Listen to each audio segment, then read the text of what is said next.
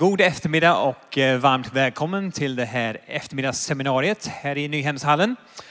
Roligt att se er. Hoppas att ni har ätit en god måltid. Har ni gjort det? Och ni är pigga och redo för en fantastiskt bra eftermiddag. Förhoppningsvis så har ni lite koll på vad vi kommer att erbjuda här. Och det är ett spännande ämne som eh, faktiskt vidrör alla församlingar runt om i vårt land. Nämligen det här med integration. Integrationens möjligheter i flyktingtider. Och vi tror att det här kommer att väcka nya tankar och idéer till liv hos dig. Om du lyssnar, om du har ett öppet hjärta, om du blir mottaglig för det som kommer att sägas. Vi har en fantastiskt fin grupp av eh, representanter, människor från olika eh, organisationer och grupper här i Sverige och eh, vi ska presentera dem om en liten stund här.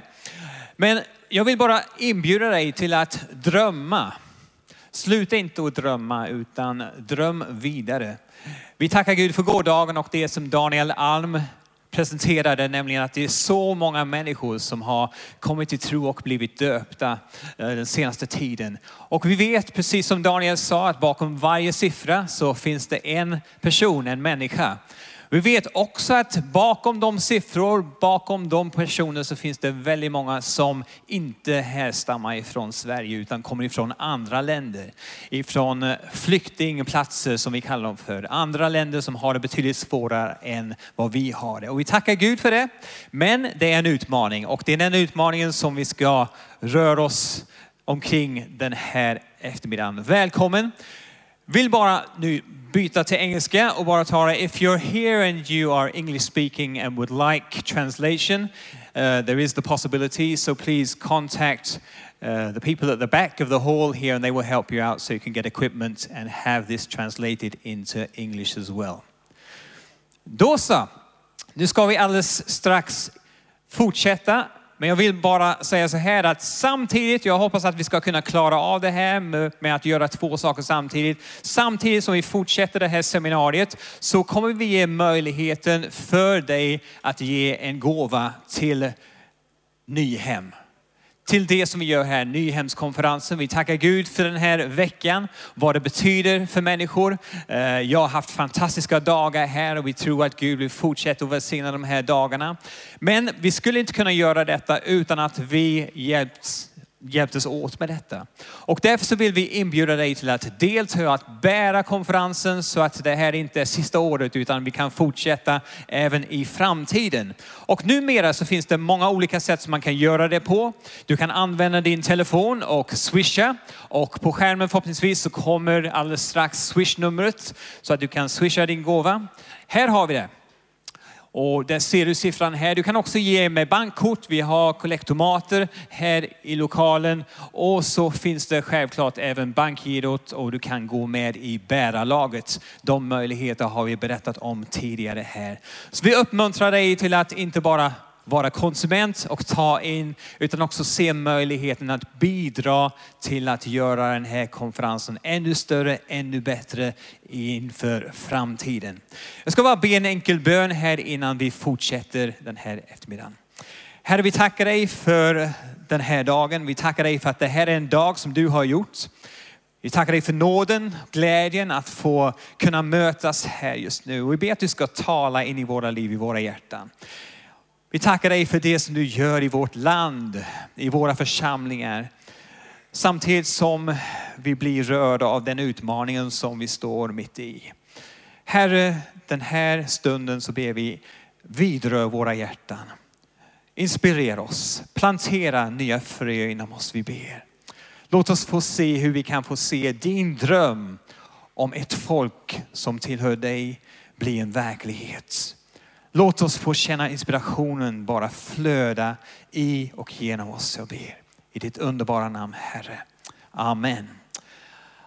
Amen. Då ska jag få välkomna fram den som också ska dela micken här inledningsvis, Andreas Arenfors, som ska berätta lite mer om vad vi har att vänta oss här. Varsågod Andreas.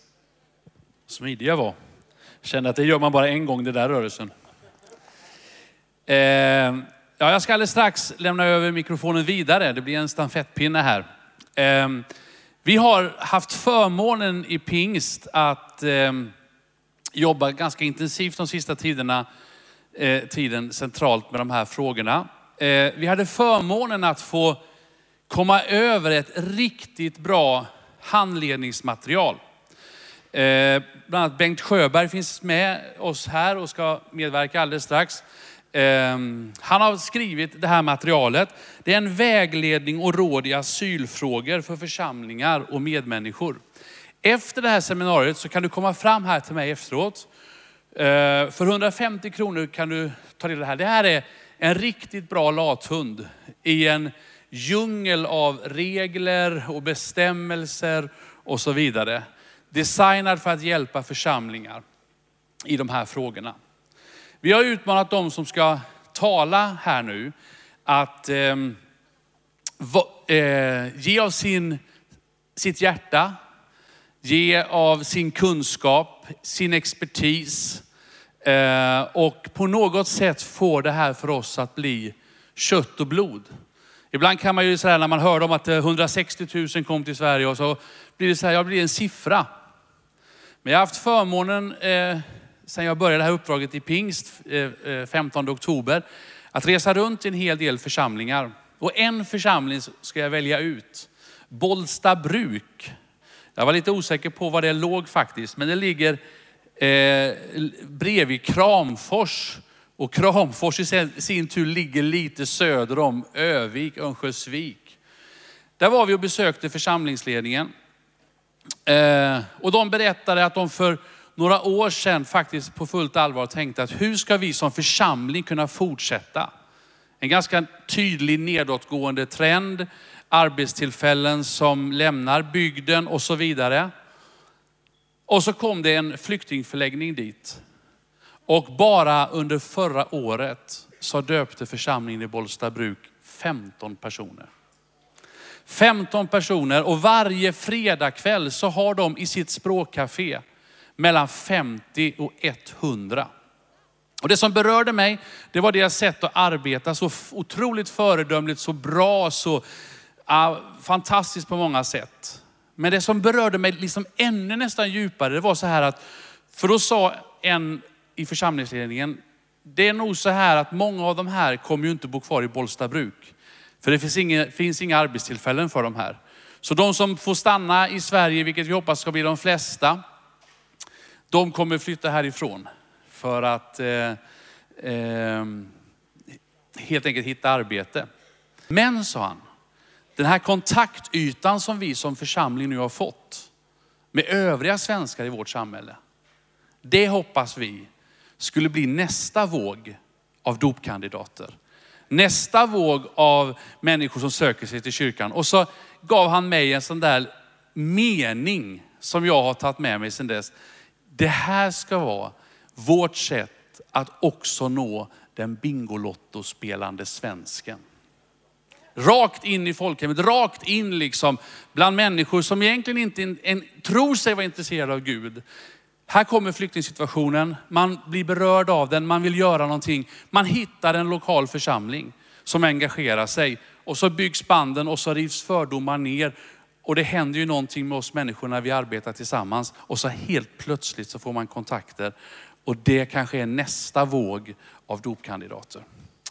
Vi har eh, bett några tala. Eh, Lars Svensson ska alldeles strax få mikrofonen. Han ska få presentera sig ännu mer tydligt, men han är pastor i Smyrnakyrkan i Göteborg med ett huvudansvar på Gårdsten Angered. Ska vi ge honom en riktigt varm applåd alldeles strax. Eh, efter honom så har vi glädjen att ha Bengt Sjöberg här. Han, eh, vi ska presentera honom ännu mer, men det är otroligt roligt att ha någon som så otröttligt har stått under så många år i tjänst för de här utsatta människorna. Bengt, en stor applåd för Bengt som är här. Sen har vi Niklas Lindgren som jobbar på PMU eh, och eh, jag är jätteglad sen jag började i, i Pingshuset att lära känna Niklas lite mer. Eh, förutom, han, när han kommer upp här, då står det PMU i pannan på honom. Men eh, därför det förväntas han att göra och det gör han så bra. Men det finns så otroligt mycket mer i Niklas Lindgrens hjärta och hjärna.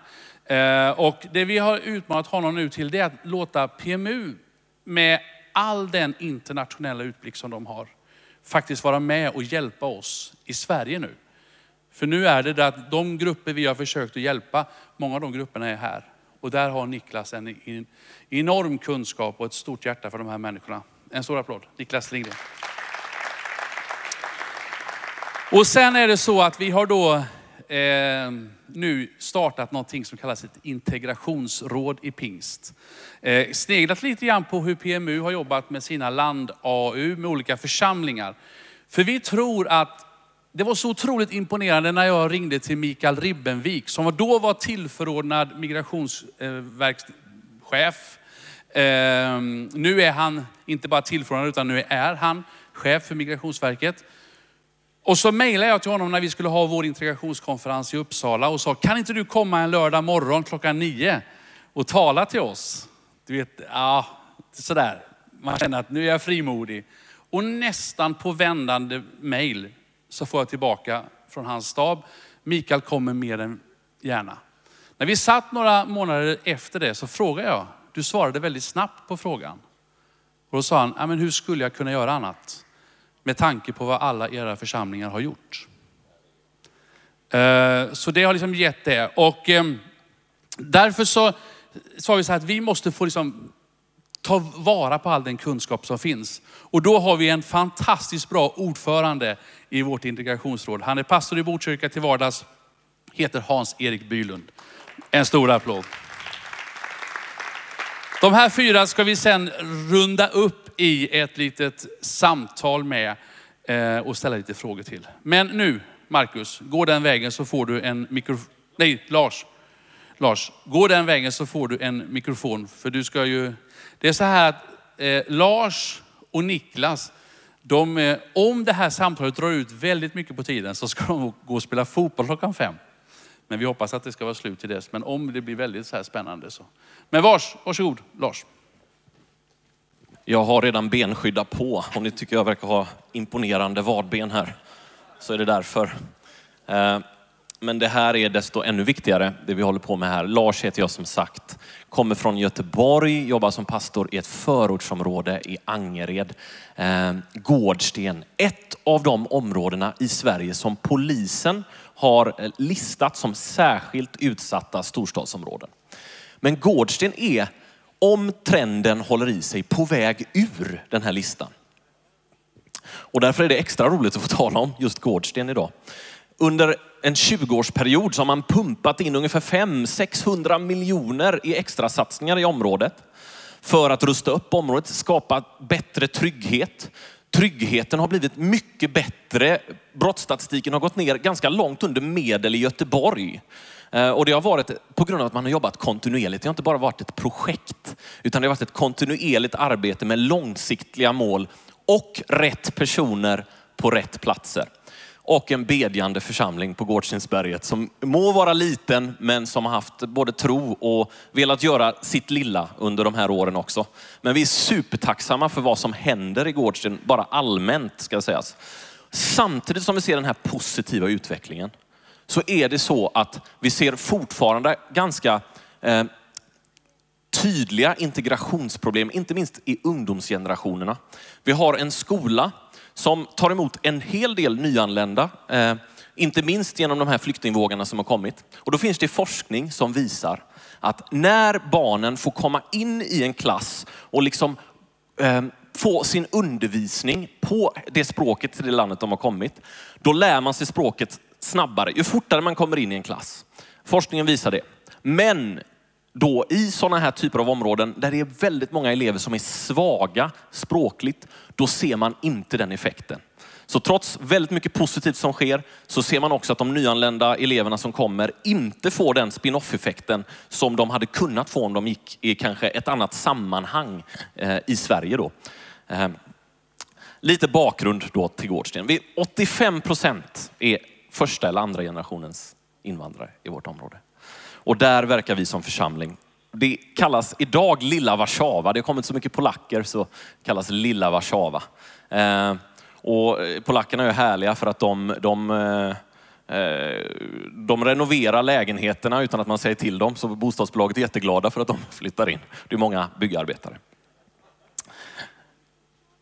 I det här liksom området då så har vi som kyrka fått arbeta, försökt arbeta i ett litet sammanhang. Vi finns som en del av Smyrnakyrkan i Göteborg som har liksom haft ett hjärta för också liksom inte bara jobba centralt utan också finnas i eh, ytterområden i, eh, i vår stad.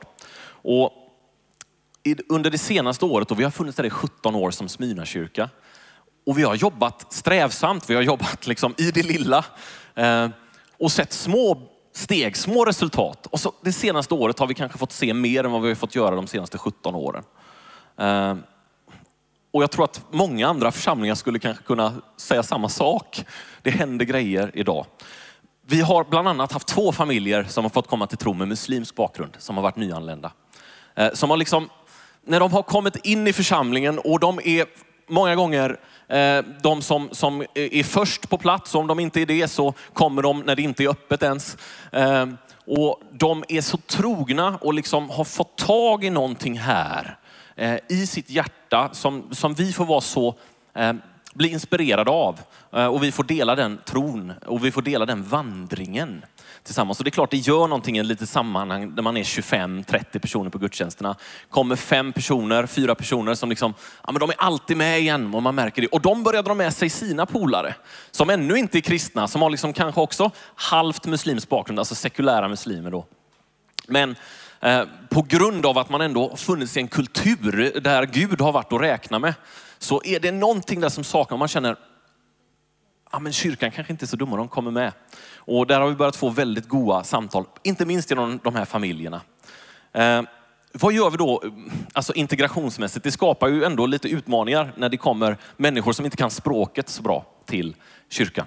Och vi har inte massa resurser i Gårdsten. Vi har mycket god vilja och ett gott hjärta eh, och det kommer man ganska långt på. Men vi har försökt, när vi har folk som talar farsi, alltså språket som afghaner och iranier pratar, då ser vi till att någon får sätta sig i bänkarna och tolka. Eh, vi har bibelstudier i hemmet en del tillsammans. Eh, där man får ta tid på sig och liksom både ställa frågor och göra sina egna utläggningar och liksom få ett bra samtal. Där det är både engelska, farsi och svenska då som äger rum. Vi har också haft förmånen att liksom få koppla med Smyna centrum på ett särskilt sätt där. Vi har en bibelskola, vi har en stor väckelse bland farsitalande i Göteborg, i våran församling. Några som har gått bibelskolan och då knycker vi dem så att de kan göra sin praktik i Gårdsten. Så att, så att de liksom både kan vara med bland våra ungdomar, och när jag säger våra ungdomar så är det 75 procent muslimska ungdomar i vår ungdomsgrupp. Eh, och det är väl härligt att de, de här ungdomarna får se, liksom år efter år så kommer det någon ny som har, kom, kommer från deras bakgrund men som har kommit till tro på Jesus och säger, det här är det bästa som har hänt mig. Och jag älskar er, men detta är det bästa som har hänt mig. Eh, och den kopplingen, liksom finnas i ett större nätverk och kunna, vi har fått så mycket positivt av det. Och det har, det har varit så viktigt. Till detta så har vi samarbetat med en arabisktalande grupp. Och arabiska är ju på tapeten såklart. Det är ett sånt nyckelspråk för att inte minst nå våra muslimska grannar, våra muslimska vänner. Eh, ha människor med den kulturella bakgrunden och ha den människor med den kulturella förståelsen. En arabisktalande grupp har liksom som vi har samarbetat med i flera år har valt från och med årsskiftet att gå in i vår församling. Så från att vi liksom var kanske 30 i snitt så har vi liksom nu blivit genom lite förhöjda dopsiffror och en arabisktalande grupp som vi har fått med på köpet nästan blivit 80-90 pers under en helg. Eh, och det är klart att det, det gör någonting eh, med, med liksom församlingen och vi har ganska mycket mer framtidstro idag, även om vi ändå alltid haft det. Så, så liksom är det mer, det finns väldigt mycket konkret och bara tacka Gud för att tänka, ja, men nu, nu ska vi ta nästa steg också. Så ett första steg där har ju fått bli att lyfta in eh, de personerna som, som har lett den här arabisktalande gruppen i vårt gemensamma ledarskap. Och det här är människor som vi har byggt relationer med ö, över år då. Så det var, hände inte bara över en natt att vi tog in folk i ledarskapet heller, men det är människor som har mycket förtroende i vår församling. Uh, och där har vi märkt att är det någonting som kanske för oss samman mer än något annat så är det att samlas till bön. Eh, att börja med bönen, alltså fira gudstjänster, då kan det vara praktiska saker som behöver ordnas med. Men bönen är ju liksom, eh, det är det mest naturliga språket för den troende. Eh, där vi kan mötas. Det är liksom, ja, det, det funkar. Och där får man ju be på det språket man vill när man samlas och möts. Ehm, den som leder samlingen, där kan det vara att man får eh, tolka så att liksom ledningen sker på båda språken. Men bönen, där får det flöda på olika språk. Ehm, på både svenska, arabiska, farsi om de hänger på också på de samlingarna. Ehm, och det får vara naturligt och det får vara en byggsten för att bygga församling i ett område som Gårdsten. Som jag sa, 85 procent är första eller andra generationens invandrare. Vilket gör att de 15 procenten är ganska stor andel tredje generationens invandrare också. Bara för att förstå liksom hur den kulturella mixen eh, är i vårt område. Som avslutning vill jag bara skicka med en ögonblicksbild där en eh, av våra nydöpta, en familjefar, frågade oss i kyrkan, kan inte vi få fira vår lilla dotters ettårsdag i kyrkan efter gudstjänsten? Istället för kyrkfika så, så, så firar vi henne. Eh, och alla blev bjudna på fika och så. Vi sa absolut, vi är en del av samma familj. Och då bjuder ju han in hela sitt kontaktnät i Göteborg i princip. Till gudstjänsten också såklart. Så att vi blir ju ungefär dubbelt så många som vi brukar vara på den gudstjänsten. Från att vara, kanske vara 30 så är vi 55-60 pers där. Och då går han fram liksom efter gudstjänsten och bara håller ett tacktal. Och han säger så här, vi lämnade allt i Iran. Vår släkt, vår, vårt jobb, våra vänner, vårt sammanhang. Men här så fick vi möta Jesus. Och han har gett oss en ny familj. Och så tittar han ut i församlingen. Liksom. Det ni ser här idag, det är en familj som Jesus har gett oss. Och så avslutar han, det vill jag tacka Jesus för inför hela sitt kontaktnät. Så det är bara en ögonblicksbild vad som händer lite på Gårdstensberget just nu.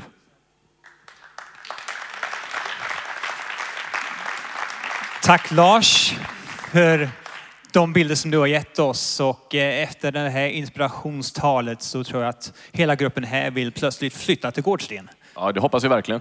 Ja. Och faktiskt var det så att förra året så eh, blev den här mannen eh, utnämnd också till årets Gårdstensbo.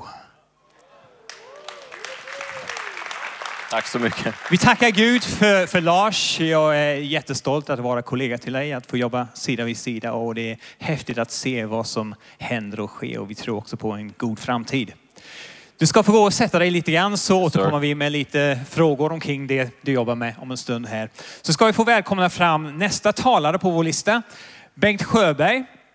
Och Bengt kanske är känd för några av er, kanske en okänd person för en del. Och när man går in på Bengts Facebook-sida så står det längst upp på hans, prof- eller under hans profilbild, jobba med människor i världen. Och det är bra, för det sammanfattar det som Bengt brinner för. Och så genom att titta på en Facebook-sida så får man lite hum om vad det är för slags person som du har att göra med också. Om det bara är selfies och bara är liksom i olika- olika poser här. Men om man tittar på Bengts Facebook-sida så handlar det hela tiden om andra människor. Det handlar om människor som har hamnat i problem, situationer och som har det jätte, jättesvårt. Och det, det har blivit en hjärtesak för dig Bengt. Och nu ska jag överlämna till dig så ska du under några minuter här få bara tala ut det som ligger på ditt hjärta. Så ska vi återkomma med lite bollande frågor med dig om en stund här. Varsågod. Tack för det. Eh, Mitt ämne det ska handla om eh, konvertiter i asylprocessen. Så det blir kanske inte så där väldigt Eh, inspirerande berättelser. Men Filipstad är en kommun med 11 000 invånare och de senaste fem sex åren har vi tagit emot 2 000 invandrare som är bofasta i stan och vi har också just nu en eh, 300 asylsökande. Och den första bilden som jag skulle vilja visa, det är den svenska asylprocessen. Och eh, vi möter ju väldigt många människor och här är det någonting väldigt intressant. En hel del kommer till vår kyrka och de studerar svenska och de får kläder och skor och så vidare. Och många har mött kärleken från Jesus under sin flykt genom Europa. Och det första de möter nu, får vi se om vi får fram den här bilden på asylprocessen, det är ju, är du berättigad till att få din asylprocess i Sverige? Eller har du ett så kallat Dublin-ärende? Är du ett Dublin-ärende? Om man alltså har lämnat fingeravtryck eller på annat sätt gett avtryck i det första landet man kommer till i Europa. Eh, det finns vägar att eh, gå runt det här också, men det ska vi inte gå in på. Men sen ser ni att eh, de olika processerna är ju först Migrationsverket och får man ett positivt beslut, då är det positivt. Men är det negativt, då har man rätt att överklaga till migrationsdomstolen. Och skulle det bli negativt där också, då har man rätt att begära att få en prövning i migrationsöverdomstolen, kammarrätten. Och det är väldigt få, kanske 3-5 procent som kan få prövningstillstånd. Det som jag möter nästan varje vecka är det ett par församlingar runt om i Sverige som frågar. De har fått tre negativa beslut, men de har ju blivit kristna, de har döpts och det är inte prövat. Och då finns det någonting efter laga kraft så kan man begära verkställighetshinder, en så kallad VUT kan man skriva.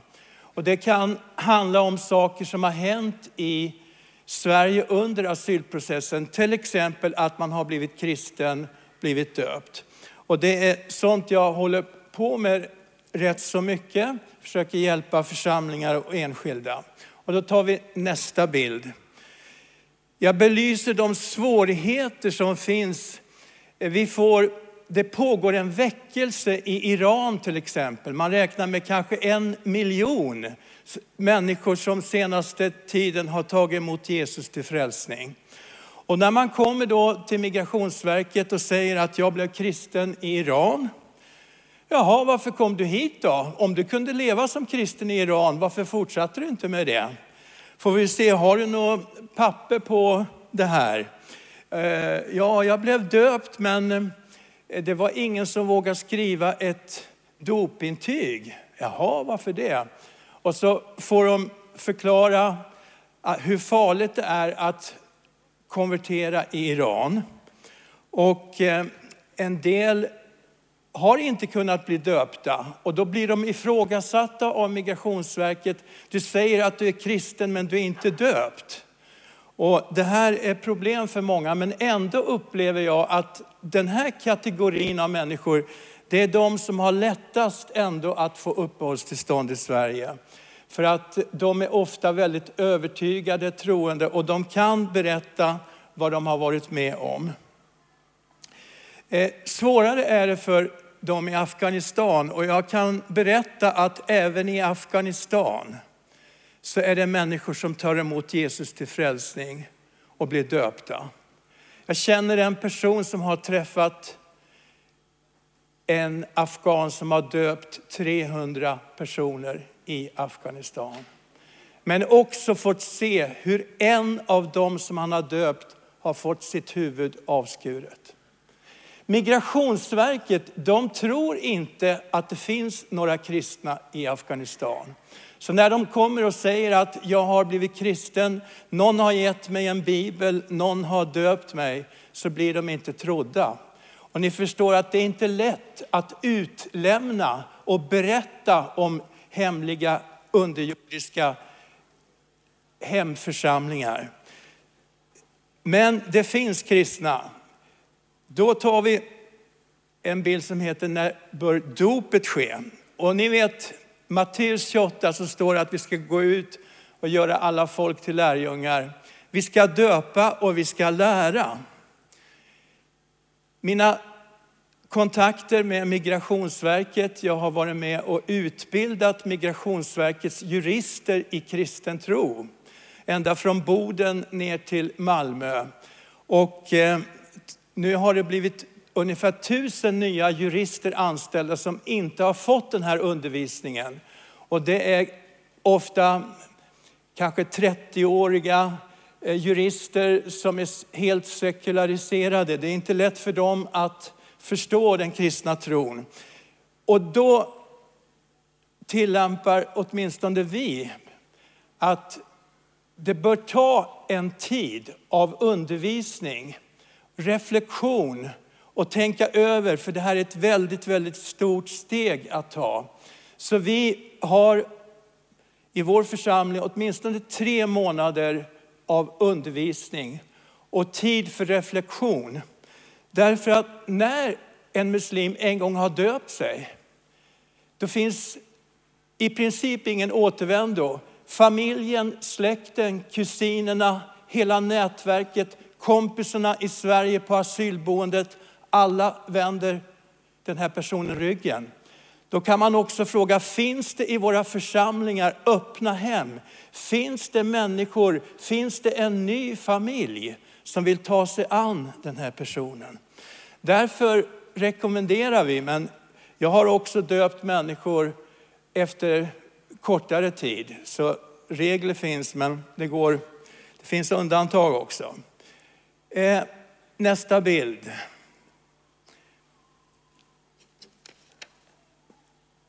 Blir man kristen sent i asylprocessen, eh, enligt Migrationsverket så minskar trovärdigheten. Eh, man säger att du hittar på ett nytt skäl bara för att få stanna. Varför har du inte berättat det här tidigare? Och om det är så att man har gått i kyrkan, fått undervisning och så har man kanske blivit döpt, men man har starka politiska skäl. Så man har tänkt, som många av svenskarna tänker, eh, den här religionen och tron, det är en privatsak. Det finns en del som tänker så. Och eh, då har man inte berättat det här. Och då finns det ett lagrum i utlänningslagen som säger att då så kan vi inte ta hänsyn till det här skälen. För du har inte talat om varför du inte berättade det här. Så därför brukar jag rekommendera nu församlingar, säg till era asylsökande som går på bibelundervisning, går i kyrkan, att de kan berätta för Migrationsverket, jag är intresserad av kristen tro, även om de inte har tagit klar ställning. Skicka in ett litet brev, Eh, berätta nästa gång du träffar Migrationsverket. Eh, många eh, som skickar in sådana här begäran om verkställighetshinder, votar, de blir inte trodda och det här är en fruktansvärd kamp ibland med de frågor man ställer till de asylsökande. Många utav oss skulle inte klara av de här frågorna. Vi hastar vidare tror jag. Jag har en 15 minuter på mig. Eh, tar vi nästa bild. Att bli en efterföljare till Jesus har ingenting med din asylansökan att göra.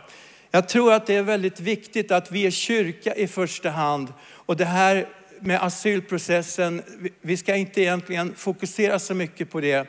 Men vi bryr oss om hela människan. Så vi måste ta med också de bitarna. Men vi kan inte säga att blir du döpt, blir du med i församlingen, då får du uppehållstillstånd i Sverige. För senaste tiden tycker jag att det blir nej, nej, nej, nej. Det är precis som att, åh, en till som har blivit kristen, det här står vi inte ut med. Det här, det här är fejk. Och, och man, man har argumenterat fruktansvärt hårt mot våra systrar och bröder. Eh, man ställer alldeles för mycket kunskapsfrågor när deras egna regler säger att man ska ta fram fakta och, och berätta om processen fram till en tro. Vilka bibelord har talat till dig och vad betyder de för dig? Och hur lever du ut din kristna tro idag? Vi tar en bild som heter vädjan. Och där har jag skrivit om eh, min vän och medlem sedan två år, Ali Ahmad. Han eh, blev kristen han har bott i Pakistan men han är afghan. Han sitter sedan tre månader på förvaret i Åstorp. Och vilken timme som helst kan han bli utvisad till Afghanistan. Han har fått mer än 50 dödshot därför att han har vittnat om Jesus på Facebook och han har vittnat om Jesus i en tidning i Afghanistan som heter Asia News. Som är översatt till engelska, ryska och dari. Eh, ett språk man pratar i Afghanistan liknar farsi. Migrationsverket och migrationsdomstolen säger att det hot som vi har skrivit är inte tillräckligt eh, specificerade var i de består. Och då har jag ändå berättat att det plan som lyfte med tvångsdeporterade afghaner för tre veckor sedan, då stod det skyttar vid flygplatsen beredda att döda Ali. Och det har de sagt att när du kommer så kommer vi att döda dig direkt. Ali, när han blev frälst så bad han till Gud för sin döva mamma som fick sin hörsel tillbaka. Men Migrationsverket, Migrationsdomstolen har hela tiden sagt, vi tror inte på dig. Och jag är helt förtvivlad. Jag ger bara ett exempel hur man som medlem skulle kunna skriva en vädjan. Man skriver hans namn, ärendenummer, att han besöker församlingen och vad han brukar vara med. Ali han brukar dela ut sångböcker och ta upp kollekten och så vidare. Han kommer till kyrkan både på gudstjänster och bibelsamtal och alfagrupp och så vidare. Och att vi tycker att han är en genuin kristen. Eh, och det där säger då Migrationsverket mer och mer att vi tror inte att du är en genuin kristen och vi tror inte att du kommer att leva som kristen. Och sista bilden, det är exempel på en kille som jag döpte efter bara några veckor. Han är från Algeriet. Han berättade ungefär 30 000 berber har kommit till tro. Och jag har blivit torterad när jag skulle in i militärtjänsten. Och så visar han på sin kropp hur han har blivit torterad. Ingen vågade döpa mig. Kan du döpa mig? Jag frågar honom, vad står det i Johannes 3 och 16? Vad står det i psalm 23? Och han läste på engelska för mig. Och hans ansikte strålade av Jesus och sa, på söndag får du bli döpt. Han blev inte trodd. Jag säger inte hans namn och jag har bett att det ska inte ut på webben. Så här kämpar vi. Och eh, vi får fortsätta bedja och arbeta och kämpa. Tack så jättemycket Bengt. Vi har anledning om en liten stund att komma tillbaka och få ställa lite frågor på det här. Själv tänker man ju eh, just det där, hur kan man liksom verkligen vittna om sin tro? Hur kan man vara säker på att det är en tro? Ehm, ja, det väcks många frågor Bengt, vi återkommer. Eh, Niklas Lindgren, som sagt, eh, ansvarig för PMUs omfattande arbete ehm, är en sån där person som har förmågan, för det är det som också behövs, att ha ett väldigt brett, djupt perspektiv men som gör det begripligt. Och många gånger när vi har suttit i verksamhetsledningen så tycker jag du Niklas, du har förmågan att få tag på det där så att till och med jag kan förstå. Det är en bragd. Så varsågod, jätteroligt att du kunde vara med. Tack så mycket. Hörrni, migration och därmed integration är ju en enormt stor global fråga. Eh, 2015 så fanns det 244 miljoner migranter i världen. En ökning med 70 miljoner sedan 2000. 2050 säger FN att man räknar med uppemot 550 miljoner migranter i världen. Eh, det vi upplevde 2015 i Sverige är inte över. Det är en väldigt viktig sak att, att inse för Sverige och för världen. Och man kan ju fundera på varför finns det så enorma migrationsströmmar i världen idag? Eh, I forskningen brukar man prata om push and pull. Push-faktorer som tvingar människor ut på flykt, det eh, har vi sett. Varje dag tvingas ett Varberg, så många människor tvingas på flykt i världen idag. Varje dag. Eh, och det är krig och konflikt, det vet ni. Antalet krig och konflikter sjönk stadigt fram till 2010 från kalla krigets slut. Sen har det ökat. Eh, vi vet också om klimatförändringar, torka, matbrist eh, som tvingar människor att röra på sig. De flesta flyktingar finns såklart i närområdet, inom sina egna länder eller in i närliggande länder. Och en del orkar ta sig hela vägen till oss. Eh, prognosen när det gäller bara klimatflyktingar är ganska eh, förfärande. Eh, mellan 250 och 400 miljoner människor räknar FN med kan behöva röra på sig inom ett decennium på grund av klimat. Samtidigt eh, så har vi då sådana här pullfaktorer. I vilken eh, fattig by som helst så hittar du en tv-apparat och en parabolantenn. Och man sitter och tittar på Champions League-finalen och så tittar man på reklamen i pausen och så ser man ett kylskåp och man ser bilar och man ser grejer och så inser man att om jag rör på mig så finns det en chans för mig att få grepp om någonting som jag aldrig kan få uppleva här. Eh, man brukar säga i, i forskningen kring ekonomisk utveckling att det finns någon brytpunkt vid ungefär 6 till 8 000 dollar per capita i BNP. Där någonstans, Indien är där, Bolivia är där, Uzbekistan är där. Då börjar många röra på sig av ekonomiska skäl. Då har man chansen att röra på sig. Eh, jobbmöjligheter klart, gör att människor rör på sig. Förtryck gör att människor rör på sig. Över hundra länder har senaste åren fattat beslut om nya lagar som begränsar organisationsfrihet, Eh, möjligheten att eh, bli en del av en församling, möjligheten att uttrycka sig själv. Demokratiska utrymmet eh, minskar. Orättvisor gör såklart att människor flyttar på sig. Vet ni att de åtta rikaste i världen äger mer än 50 procent fattigaste? Åtta personer. Så orättvist är det. Det man behöver förstå tror jag är att migration och utveckling hänger ihop. Migration är alltid och har alltid varit en väg för människor att få det bättre. För hundra år sedan lämnade människor Sverige för att få en bättre framtid någon annanstans. Det har alltid varit så, kommer alltid att vara så. Eh, det är en kraft till utveckling i de nya hemländerna man kommer till. Eh, nya idéer, nya innovationer, nya sätt att tänka, eh, nya uttryckssätt, ny kultur. Jag vet inte om någon av er såg en artikel i Sydsvenskan häromdagen.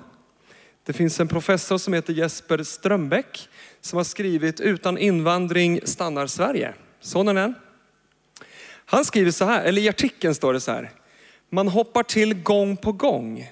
Förvånad och överrumplad av olika uppgifter som till exempel att 23 procent av alla nya jobb i Sverige 2013 kom i företag som startats av invandrade. Samtidigt är det såklart en jättestor utmaning att vi har så kallad brain waste. Så många som kommer hit som är så välutbildade och som hamnar i helt fel jobb. Eller inga jobb alls.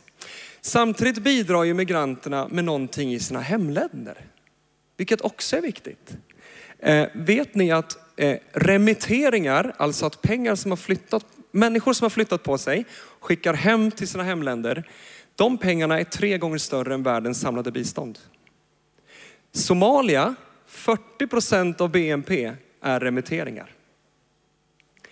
Eh, såklart är det här en jätteviktig fråga för världens utveckling. Samtidigt så är ju såklart brain drain ett problem i de länderna. Att de välutbildade, de som har chansen, flyttar på sig.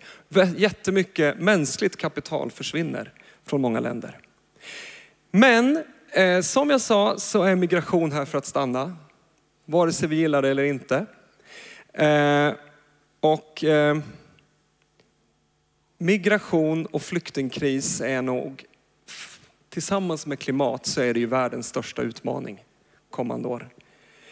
Eh, Och jag tror så här, man varken kan eller bör hindra den frivilliga migrationen. Den är bra. Men det vi behöver göra någonting åt är den tvingade. Eh, ja, för ett par veckor sedan så var jag i, utanför Birmingham och så mötte jag en professor på världens största fredsinstitut eh, kopplat till Coventry University. Eh, och då frågade jag honom så här, finns det någon som forskar på hur man bygger det goda samhället? Om det nu är så många hundra miljoner människor som kommer röra på sig i vår värld. Någonting som vi aldrig har sett förut. Hur bygger man samhället som kan ta emot dem? Och han trodde inte det fanns någon sån forskning, eller han kände inte till det. Men hur bygger man ett försonande samhälle? Hur bygger man en kultur som kan ta emot så mycket människor? Jag tror det är en avgörande fråga för världen framöver. Ehm, jag tror att vi behöver göra tre saker parallellt. Om jag tittar på vad vi kan göra i Sverige. Jag tror vi måste vara med och bygga det goda samhället i Sverige. Gårdsten. Vi behöver vara med och bygga den goda kulturen i Sverige. Och jag tror vår berättelse som kyrka, allas ursprung i Gud, Jesus för alla, den helige ande utgjuten över alla. Alla språk talades, Uppenbarelseboken. Eh, alla folk och stammar. Vi är en sak, vi är en grupp, vi är, en, eh, vi är ett. Vår berättelse måste höras högre. Eh, ehm, Igen då, eh, den här professorn jag mötte, jag, han sa så här, för, för eh, 2015 så var de på Greklands stränder från det universitetet. Och så frågar de 650 eh, som precis har gått av flotten. Ni ser bilden framför er, de här flottarna som knappt håller. Precis gått i land, så ställer de en fråga till dem. Hur lång tid tog det för dig att bestämma, från det att du bestämde dig till att du måste fly till att du var på väg? 24 timmar. Vad var det sista du gjorde? Grävde ner mina värdesaker. Vad tog du med dig? Min hemnyckel och min mobiltelefon. Vad säger det oss? Ja, det säger inte att folk kommer hit för att tjäna på vårt system. Det säger att människor tvingas fly men vill bo hemma. Vår berättelse måste vara högre än den högerpopulistiska förenklade svartvita bilden om att människor vill profitera och paras, vara parasiter, vad det nu heter. Eh, vi måste bygga en kultur som klarar integration. Jag tror det är en otroligt viktig uppgift för oss som kyrka. Eh, att faktiskt människors rörlighet kan bidra till en bättre värld. Eh, nummer två så behöver vi hantera och hjälpa situationen på plats för de som flyr. I de länder som tar emot mycket flyktingar. Sverige tar inte emot mycket flyktingar. Libanon tar emot mycket flyktingar. Jordanien tar emot mycket flyktingar. Vi gör det inte, även om vi ska vara glada över allt vi kan göra. Eh, jag läste nyligen att 90 procent av flyktingarna som bor i Libanon och Jordanien eh, lever under fattigdomsgränsen och 50 procent av barnen går inte i skolan. Vad kommer det bli av den generationen? Vi måste hjälpa där. Samtidigt måste vi förmå att bygga det långsiktigt goda samhället i de länderna. Inte bara hjälpa det akuta. Eh, på alla de här tre områdena tänker jag att vi som församlingsrörelse är en unik kraft. Vi kan vara en profetisk röst politiskt. Vi kan bygga saker lokalt via våra församlingar av integration. Vi kan hjälpa ute i de länder där behoven är enorma. Vi kan jobba på alla de här tre arenorna på ett sätt som jag har svårt att se särskilt många andra kunna hantera än vi som kyrka. Eh, ja. Vi måste bara inse att det är en värld och att människorna är en sak. Vi hör ihop och vi måste höras högst. Så bra. Tack Niklas. Ska jag gå ner tycker du? Ja, just nu så kan du gå ner så kallar vi tillbaka dig alldeles strax. Det är så fantastiskt att få både den här makrobilden men också den här mikrobilden. Om vi bara är upptagna med vad som sker och vad vi brottas med på hemmaplan så kan man bli så överväldigad av frustration. Men när man får en bild av hur det faktiskt ser ut runt omkring vår värld, då får man lite bättre balans och förståelse för den utmaningen som vi har. Vår sista talare här är en man som är pastor i Botkyrka. pingst, Hans-Erik Bylund. Och eh, med tanke på det som Niklas avslutade med, att vi måste göra någonting från församlingssida och pingstsida här, så ska Hans-Erik få några minuter här och presentera ett nytt initiativ som vi har tagit i pingst. Varsågod. Eh, jag måste bara få inleda också med att koppla an till det Niklas sa. Jag tänker att det har ju svängt väldigt mycket i vårt land bland politikerna. Från öppna hjärtan och att vi bygger inga murar till att vara ganska stängt. Och även bland eh, människor i allmänhet så har det första entusiasmen liksom lagt sig för flyktingar ganska mycket ser jag. Men vi som, och även vi kristna ser ju problemen och utmaningarna. Men precis som Niklas var inne på så är vi förankrade i någonting djupare. Vi är förankrade i Guds rike och vi är förankrade i Guds ord. Och därför svänger vi inte med opinionen på samma sätt. Utan engagemanget i församlingar runt om i Sverige, det tuffar på. Det bara kör på och det tycker jag är fantastiskt. Därför att Guds ord säger det på så många ställen att Gud älskar invandraren, säger han, säger Guds ord. Femte Mosebok bland annat. Därför ska vi också göra det och ge den hjälp som man behöver. Flyktingsituationen är och har varit fruktansvärd och vi kan nog inte riktigt sätta oss in. En del av er kanske är flyktingar som är här, har kommit som flyktingar. Bara ett exempel, en av de unga männen som jag träffar varje vecka i stort sett från Afghanistan. Han berättar, han kom med sin familj som flykting och när de kommer till turkiska gränsen så blir de beskjutna. Och då skingras alla i gruppen. Och sedan dess vet han inte vad som har hänt med hans familj. Och därför kan han inte sova på nätterna. Flyktingsituationen är fruktansvärd. Bara en liten, liten del, någon promille har kommit till Sverige. Men det är en utmaning för oss. Men lyckas vi med den, att integrera, då kommer det att betyda något väldigt positivt för vårt land. Vi tror ju inte som kyrkor heller att Gud står bakom den här flyktingvågen, men vi tror att Gud kan använda allt som sker för sina syften. Precis som de kända orden som Josef sa i Gamla Testamentet till sina bröder. Ni tänkte ont om mig, men Gud har vänt det till något gott. Så tror jag också att många flyktingar som har kommit till Sverige upplever det. Det som hände mig var någonting ont, jag måste fly. Men här i Sverige fick jag möta Jesus. Det vände till någonting gott. För oss som församlingar så är det här en unik möjlighet, en unik tid som vi lever i. När hundratals, förmodligen tusentals människor med muslimsk bakgrund har kommit till tro i Sverige.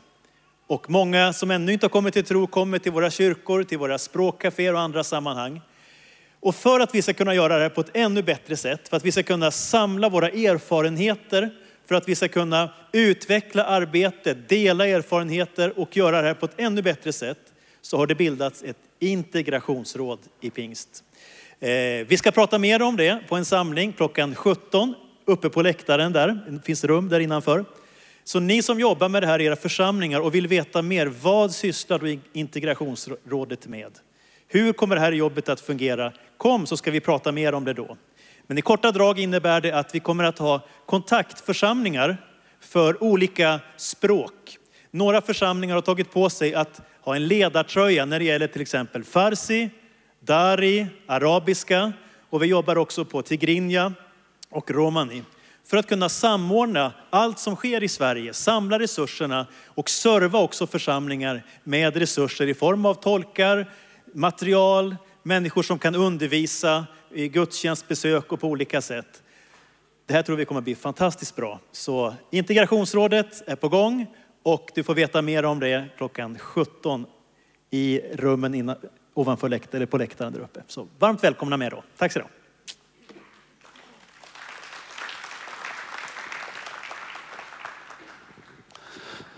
Stanna kvar här Hans-Erik och behåll mikrofonen och så Lars och Niklas och Bengt varmt välkomna fram. Så tror jag att vi gör så här att jag och Mark står här och så står ni lite grann där. Så blir det lite klart och tydligt när det gäller vem som ställer frågorna och vem som ger svaren. Ehm. Börjar Börja med att säga ett stort tack till er. Tack för vad ni har gett. Kom lite närmare, vi behöver inte ha sånt, sån distans på oss här. Ehm. Jag ska börja Eh, med dig Lars, du ställde en fråga, eller du eh, sa när du talade att ni valde när den här arabisktalande gruppen kom till er, att ni tog med dem in i ert ledarskap. Berätta lite kort om det. Hur har det funkat att få in en, en annan kultur rakt in i församlingsledningen? Det har eh, nästan uteslutande varit positivt. Jag, jag brukar tänka så här att Gud på något sätt har format oss i Gårdsten genom åren i ett ganska litet enkelt sam, sammanhang. Eh, det har fått se liksom, ta små steg bit för bit, men vi har också sett liksom, behovet av att, koppla med andra, behovet av att vi behöver nå eh, människor med en annan kultur. Och det har blivit mer, alltså, det, det har format en, en eh, ja, men både välkomnande och accepterande miljö. Eh, och det innebär inte att det alltid är lätt, va? Men, men, men det har vi tagit med oss in i ledarteamet i alla fall. Eh, upplevde jag och, och, och det blev konkret när, när, när de här tre personerna då som vi tog in i ledningen vid årsskiftet kom in. Att det, alltså folk blir taggade mer för att gå på våra ledningssamlingar än tvärtom. Liksom. Det är liksom nu, nu händer det grejer här. Så att, eh, men jag tror att Gud har format någonting, kanske genom ett årtionde i vår församling där. Där vi har kanske blivit förberedda för vad som skulle ske. På vilket sätt utmanar det dig att lä- alltså bara lägga upp möten? Alltså frågorna, är det, Ja, men man får tänka till lite extra så att det inte blir för mycket. Vi har ju fortfarande både gemensamma samlingar ibland men också olika liksom, uppdelade samlingar på arabiska och svenska. Eh, tidigare då kunde man ju sitta med ganska praktiska saker men det hjälper oss att faktiskt lyfta blicken mot lite mer visionära frågor också och kanske lägga ännu mer tid på det eh, som, som rör oss allihopa och inte bara rör den här gudstjänsten eller de här kommande månaderna. Utan, eh, så så det, det har nog slipat både mig och oss, tror jag, att, att tala lite mer. Vad ska vi kunna betyda för Gårdsten nu? Vilket alltid har varit på bordet, men det blir ännu mer liksom, nu när vi har de här eh, möjligheterna med både olika språk eh, i församlingen och och kulturell förståelse och svenskar för den delen, som är en bristvara i coachen. Så det är ju en superbra tillgång med. Bra. Bengt, jag kan tänka mig att eh, när Migrationsverket ser att det är du som ringer så tänker de, nej inte han igen. Att du, du kan verka ganska irriterande eh, när de får höra dina klagomål och hur du går på dem. Är, är det det sättet som vi ska hantera eh, den här kampen som vi har med hur eh, processerna behandlas? Hur ser du på det? Jag har ju ändrat mitt beteende betydligt. Jag arbetar nu, jag har lärt mig juridiken genom att göra en massa misstag.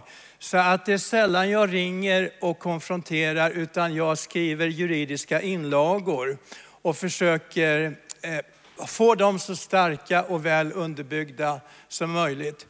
Men alldeles innan jag kom hit så var det en församling som ringde som jag hade väglett. Gör så här och med en fullmakt imorgon så kommer du att få sitta med på Migrationsverkets samtal om återvändande. Där ett utav fyra barn inte har några papper och eventuellt skulle kunna riskera att bli lämnad i Sverige utan far och mor eller att inte bli insläppt i det här landet. Och det, de ringde när vi hade vårt möte och polisen tar mamman som var sjuk hemma och det pågår ett tumult på Migrationsverket på ett ställe. Och då, den här kvinnan och jag, då var vi så vi tände till. Socialen omhändertog barnen. Det hände för någon timme sedan. Då blir man upprörd och det kan jag bli ibland. Men mest jobbar jag med juridiska inlagor. Så man kanske inte ska tända till direkt men vara beredd på att tända till om det behövs. Ja.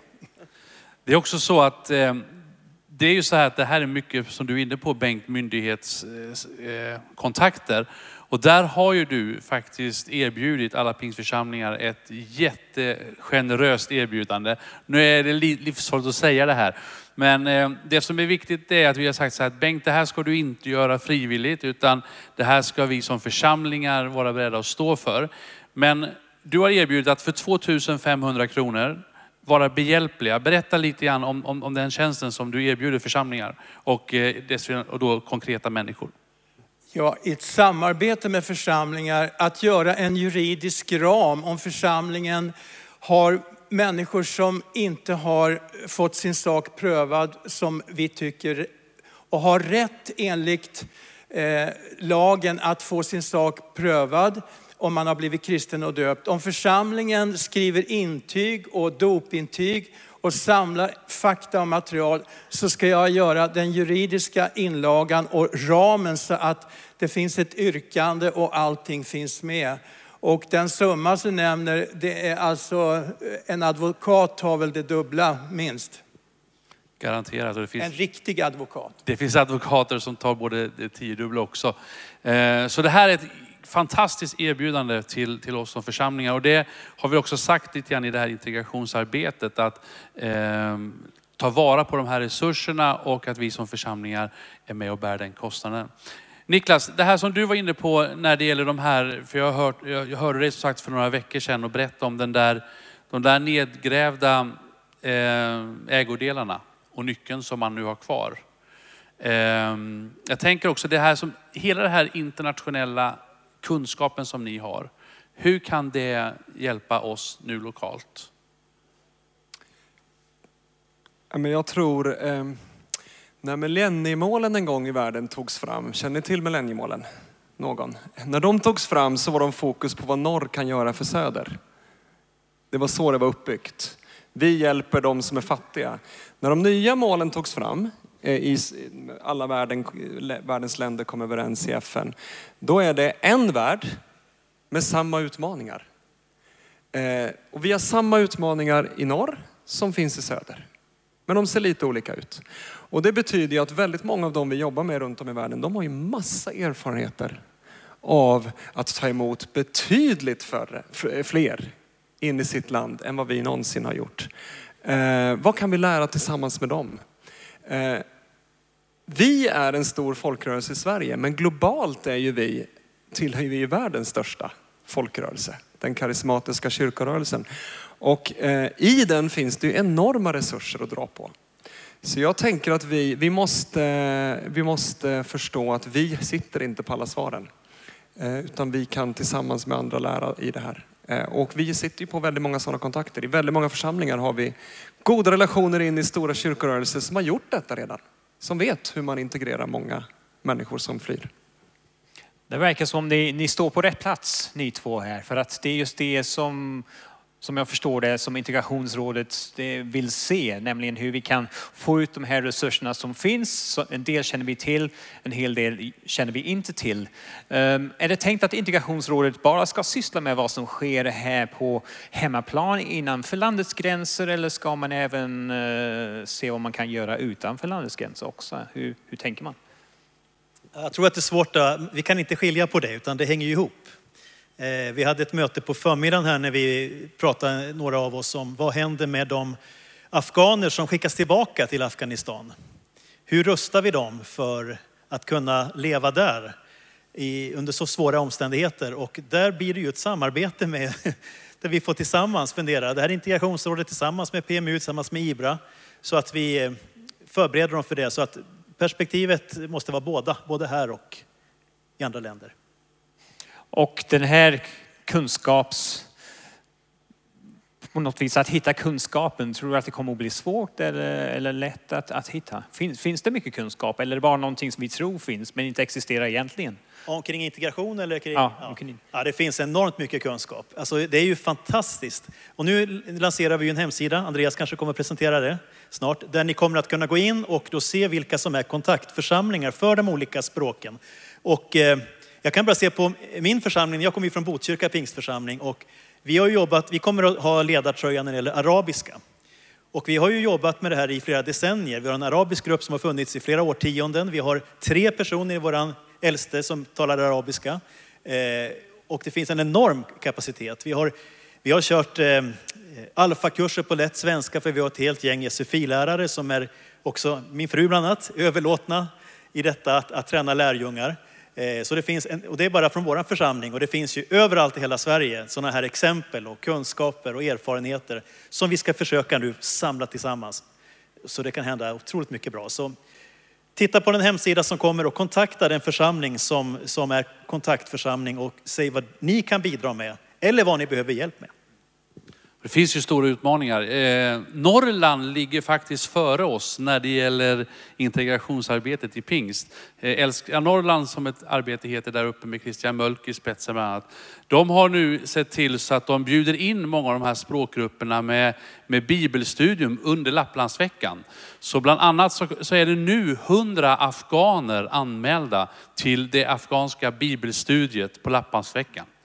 En utmaning för oss i Nyhemsveckan att ta oss an det för 2018.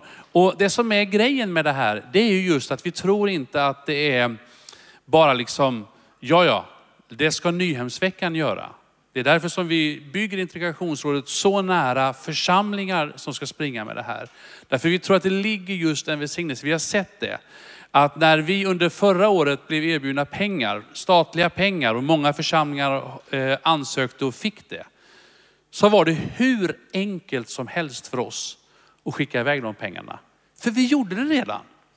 Vi gjorde inte det för pengar. Vi kom inte på det. Jaha, vad ska vi göra nu då? Utan vi gjorde det redan. Och det tycker jag är ett erkännande för våra pingstförsamlingar. Vi gör det inte för pengarna. Vi kan använda pengar, så har du pengar så kom med dem. Vi kan, vi kan verkligen göra av med dem på riktigt bra grejer. Men det är inte för pengarna vi har gjort det så att säga.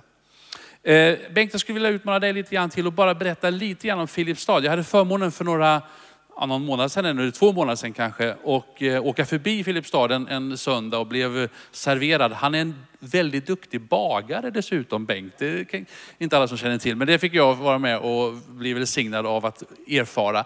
Men eh, då fick jag också se lite grann de här kurserna ni har och hur du med företagande och allt möjligt. Kan du berätta lite grann?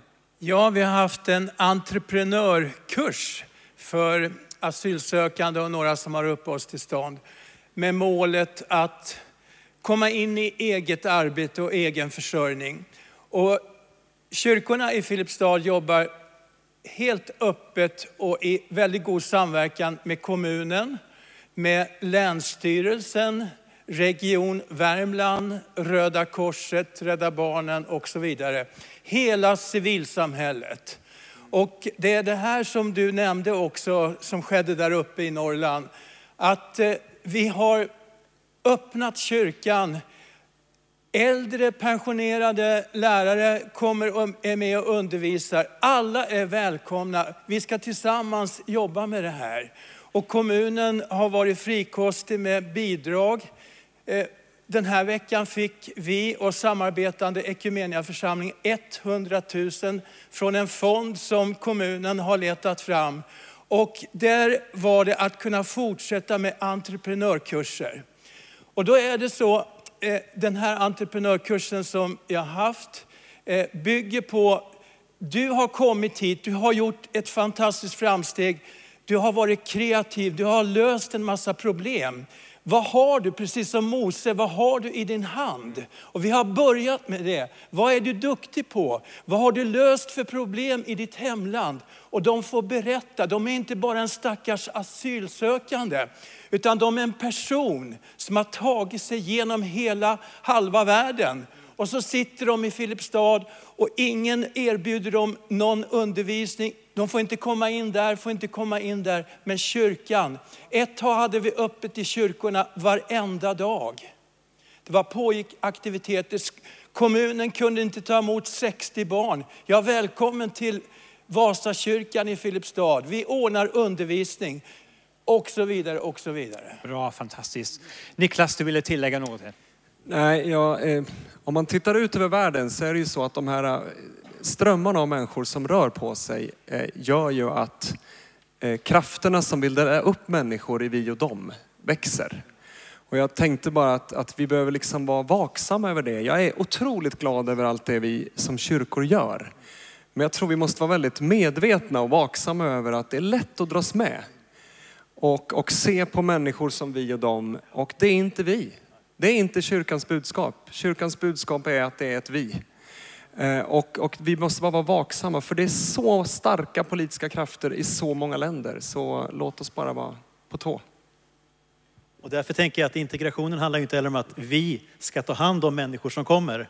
Utan det handlar om att vi ska ju vara tillsammans. Vi ska tacka för alla de resurser som kommer, som förnyar församlingar, som livar upp församlingar. Eh, så det inte, så det inte blir heller där, ett vi och dem, utan vi gör tillsammans. Tack så jättemycket. Vi ska alldeles strax avrunda den här samlingen med en, en förbönstund för, för människor just nu. Då. Men vi har några saker till. Eh, först ska vi tacka er. En stor applåd.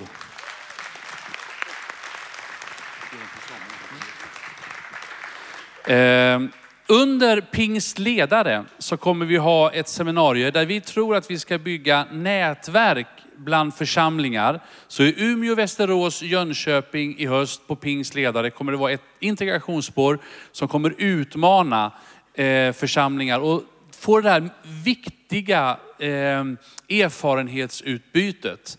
Eh, vi kommer också bjuda in, förmodligen till Botkyrka, till en liknande konferens vi hade i Uppsala i januari i år. Det blir den 3-4 februari till en mycket spännande integrationskonferens. Fredag, lördag, missa inte det datumet. Ehm, Och nu ska jag bara be Samuel komma fram. Alldeles kort här. Ehm, Jag hade förmånen tillsammans med Magnus Wahlström att göra en liten resa här. Vi besökte 20 församlingsledningar på sex dagar. Och mitt i det så hade vi en förmiddag ledigt i Åre och åkte skidor. Någon åkte ut för han tycker om att åka lift och det tycker inte det är så jobb, det ska vara så, så lite jobb som möjligt. Och en av oss tog till längdskidor. Ni kan fundera på vem det var av Magnus och mig. Men på eftermiddagen, då hade vi förmånen att få vara med Urban Widholm och Samuel, Ola Holmgren och Pingstförsamlingen i Åre. Och eh, det är så att när Migrationsverket nu tittar på lyckade exempel så tittar de inte minst på Åre. Välkommen Samuel. Tack ska du ha. Rösten är si och så därför får säga det. Vi kan göra en korsning på Rod Stewart och Jimmy Wayne. Ja, bra. Ja, det är bra. Du, när vi kom upp till er så förstår vi att ni har ett oerhört offensivt arbete från det att flyktingen kommer till flyktinganläggningen. Hemligheten är människor som brinner. Ja. Massor med empati. Vill göra det de kan. Men alltså, ni har ju alltså, när den här utmaningen kom så förstod ni att om de har ett jobb då får de stanna. Ja, Hur tänkte ni då? Det är väl en korsning mellan boende, jobb och framtid. Ja. Och eh, där är det enormt viktigt att man skapar trygghet. En människa som inte är trygg vågar inte. Och då skapar vi trygghet. Och då var det ju så att ni började direkt med att fråga företagarna. Vad är det Nej, för folk man nej, behöver? Nej, Nähä. Det var kommunen som tyckte, kom igen, har ni några bra idéer? Så Martin Söderström, som då var integrationschef, han ställde frågorna. Vad har ni för tankar? Hur löser vi det tillsammans i kommunen? Och då ställde vi frågan tillbaka, vad behöver ni hjälp med? Och i den dialogen så föddes det massor av bra tankar. Och det som vi bland annat fick, fick, fick del av då, det var att eh, en hel del eh, hotell sa att vi behöver städare. Ja, vi startar en kemutbildning nu. Eh, därför att det är företag i Sverige som skriker efter bra folk att städa. Eh, vi startar en grävmaskinsutbildning, kombo yrkesakademin. Vi startar köksutbildning, ja, you name it. Ja. Och vi var inne, Magnus och jag och Tatta, i eh, ett, en frig, eh, nej, attefallshus Ja, det är kul. som ni bygger. Ja, inte bara ett, utan det håller på. Och där får de sin yrkesutbildning. Ja, vi kör det på ett sätt som gör tvärt emot. Vi börjar med praktik i händerna och då lär de sig att en hand heter hand och en bräda heter bräda. Och istället för att titta i en bok på vad det heter. Gör det ont så gör det ont. Ja. Du, eh, eh, alldeles, här i avslutningen bara. Ni har en mycket spännande konferens där ni erbjudit in i oktober. Berätta om den. Andra och tredje oktober. Och det är kommunen som har tagit ett initiativ och så ringde de till Åredalens pingstförsamling och frågade vad tycker ni att vi ska heta i konferensen?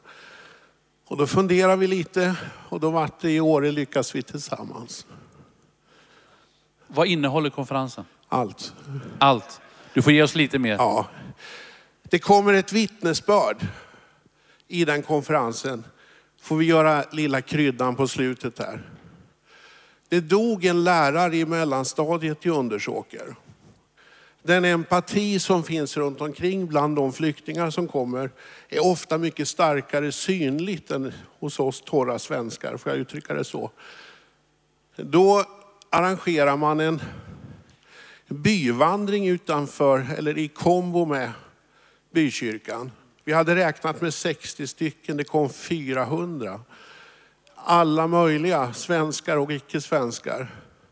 Och så var det kondoleans i kyrkan och så samlade man in 60 000 spänn till Cancerfonden. Alltså det är bara, ja, det är svårt att beskriva. Ja, Det är bättre att komma dit i ja oktober. gör det. Tack, Tack så så mycket Samuel.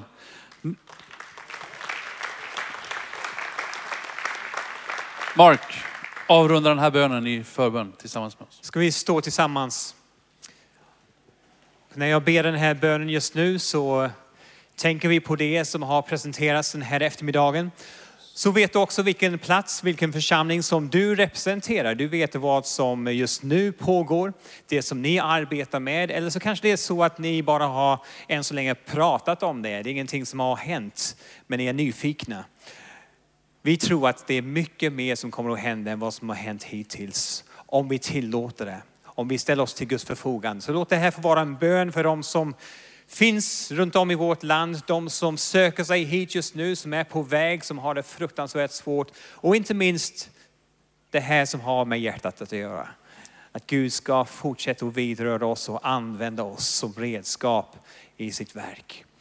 Himmelske far, vi tackar dig för den här eftermiddagen då vi har fått lyfta fram och belysa och fokusera det som är ditt hjärtesak Herre, nämligen människan. Du älskar varje människa och din längtan är att ha en livslevande relation med varje individ som finns på den här planeten. Tyvärr så måste vi samtidigt konstatera att det är så många som just nu inte har det bra som lever under fruktansvärda förhållanden, som har sårats, som har skadats, som har utnyttjats. Många som lever i rädsla och fruktan. Och till och med de som har kommit så långt som till vårt land, som fortfarande lever i fruktan över en oviss framtid. Herre, det är många frågor som vi inte har svar på. Och därför så vänder vi oss till dig än en gång och säger Gud, Gud, du som är barmhärtig, du som är god. Vi ber att du ska ge oss kraft, att du ska ge oss inspiration, att du ska ge oss ledning.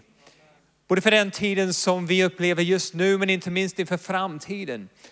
För vi tror att så länge vi finns kvar här så har vi en uppgift att fylla. Vi tror att så länge vi finns kvar här så har vi möjligheten och förmågan att kunna vara dina redskap och vidröra människor och hjälpa dem nära dig. Att vara dina händer, att vara dina fötter, att vara dina ögon, Herre. Att tala ut ord av kärlek och omsorg. Att tala in hopp där det just nu bara finns förtvivlan och hopplöshet. Det här är en sån oerhörd utmaning, men vi vet att du är större än utmaningen.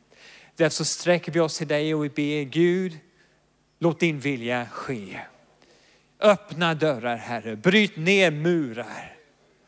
Läka det som behöver läkas Herre. Så att vi kan få med glädje få prisa ditt namn över allt som sker från norr till söder, från öst till väst. Över ännu fler dopsiffror, över ännu, ännu fler människor som får, får känna det här värde. Att de inte är värdelösa utan värdefulla för dig och för oss. Så hjälp oss att stå sida vid sida i det här uppdraget du har kallat oss till. Välsigna oss och ta hand om oss Herre. Låt oss inte kunna lämna kvar det som vi har fått här i Nyhemshallen utan vi bär med oss det i våra hjärtan. Låt det få gro och växa och bära frukt vi ber i ditt namn. Amen.